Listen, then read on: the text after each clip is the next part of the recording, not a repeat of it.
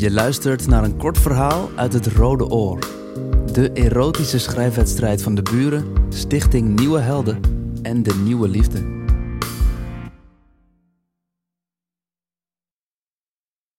Lang heb ik gedacht dat ik haar moest zoeken.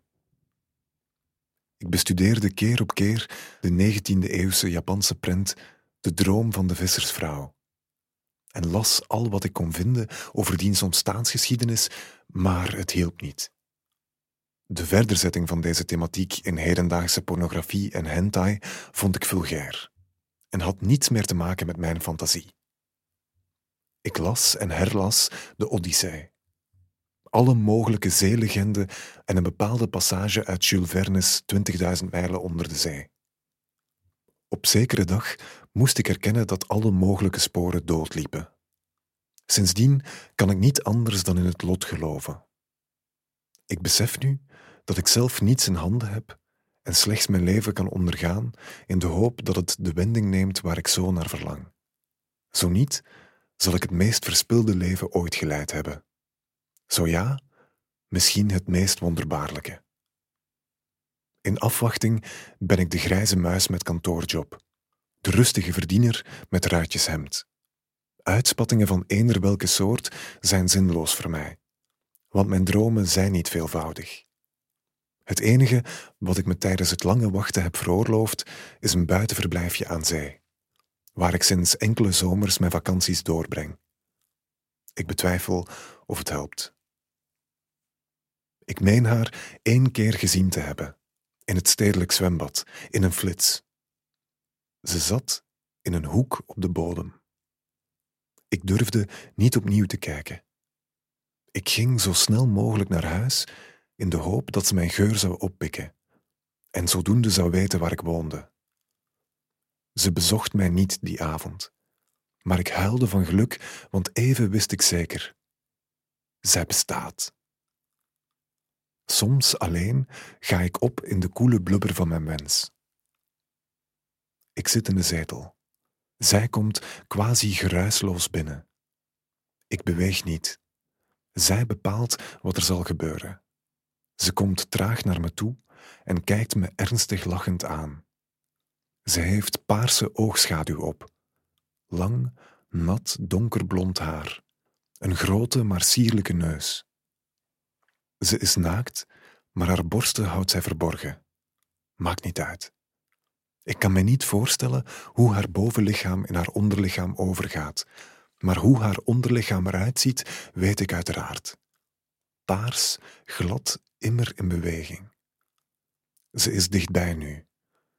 Traag wikkelen twee armen zich rond mijn enkels, twee rond mijn dijen, twee rond mijn polsen. Met haar voorste arm omklemt ze mijn nek. Met haar achterste streelt ze mij waar ze wil.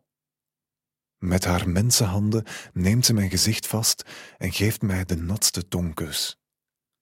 Ze speelt nog wat met mijn ledematen, heft ze op en legt ze neer. Ze neemt me mee naar de slaapkamer als ze dat wil. Ze spreekt in moederlijke, zachtmoedig plagende oerklanken. Dan begint het. Mijn geslacht is in haar holte en het zuigen vangt aan. Het is een zachtjes samentrekken loslaten, een contractie-relaxatie. De natuurlijke werking ervan is oneindig veel beter dan die van het meest geavanceerde seksspeeltje. Door haar zuignappen voelt en reageert zij op alles. Mijn kleinste rilling. Soms lijkt het alsof ze hem kapot gaat knijpen. Alsof hij nooit meer iets zal kunnen als er klaar mee is zelfs niet plassen. Toch is er geen definitief hoogtepunt. Het is een zee die blijft golven. Ik weet niet wanneer ik klaarkom, maar klaarkomen doe ik zeker. Misschien zelfs meermaals. Daar zorgt zij wel voor. Ze heeft al losgelaten nu. Mijn penis en alles er rond is zwart van de inkt. Ik wil nog even wakker blijven, maar zij wiegt mij zo zacht. Ik zie nog net één lange tentakel wegglijden voor het zwart mijn lichaam en geest overmand. Mijn laatste gedachte. Vrouwelijke octopussen kunnen maar eenmaal bevrucht worden. sterven kort na de geboorte van hun nageslacht. Heeft zij daarom zo lang gewacht? Of is zij, met haar zwarte binnenste, misschien uit op het wit van mijn zaad? Heeft het nodig om te overleven en heeft ze mij daarom zoveel mogelijk laten sparen? En is zij daarom zo bedreven? Dit is mijn grote verlangen. Misschien bestaat zo'n wezen niet. Ben ik gek om te geloven dat het kan bestaan? Misschien heeft iedereen hetzelfde stilzwijgende verlangen als ik en leven wij allemaal in de ban van de vrede octopusgodin. Wil zij vereerd worden, zonder ooit te moeten toegeven, behalve wanneer het haar belieft. Ik weet het niet en hoef het niet te weten, als ze maar komt. Oh, als ze maar komt.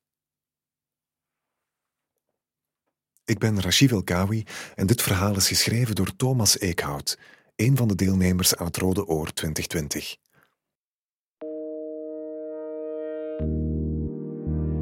Je luisterde net naar een kort verhaal uit het Rode Oor. De erotische schrijfwedstrijd van het Vlaams-Nederlands Huis De Buren, Stichting Nieuwe Helden en De Nieuwe Liefde. Op deburen.eu slash het Rode Oor vind je meer informatie over het project, over de wedstrijd en kan je alle erotische verhalen van het Rode Oor lezen en luisteren. Het Rode Oor is onderdeel van het project Yes Please, een initiatief van Stichting Nieuwe Helden.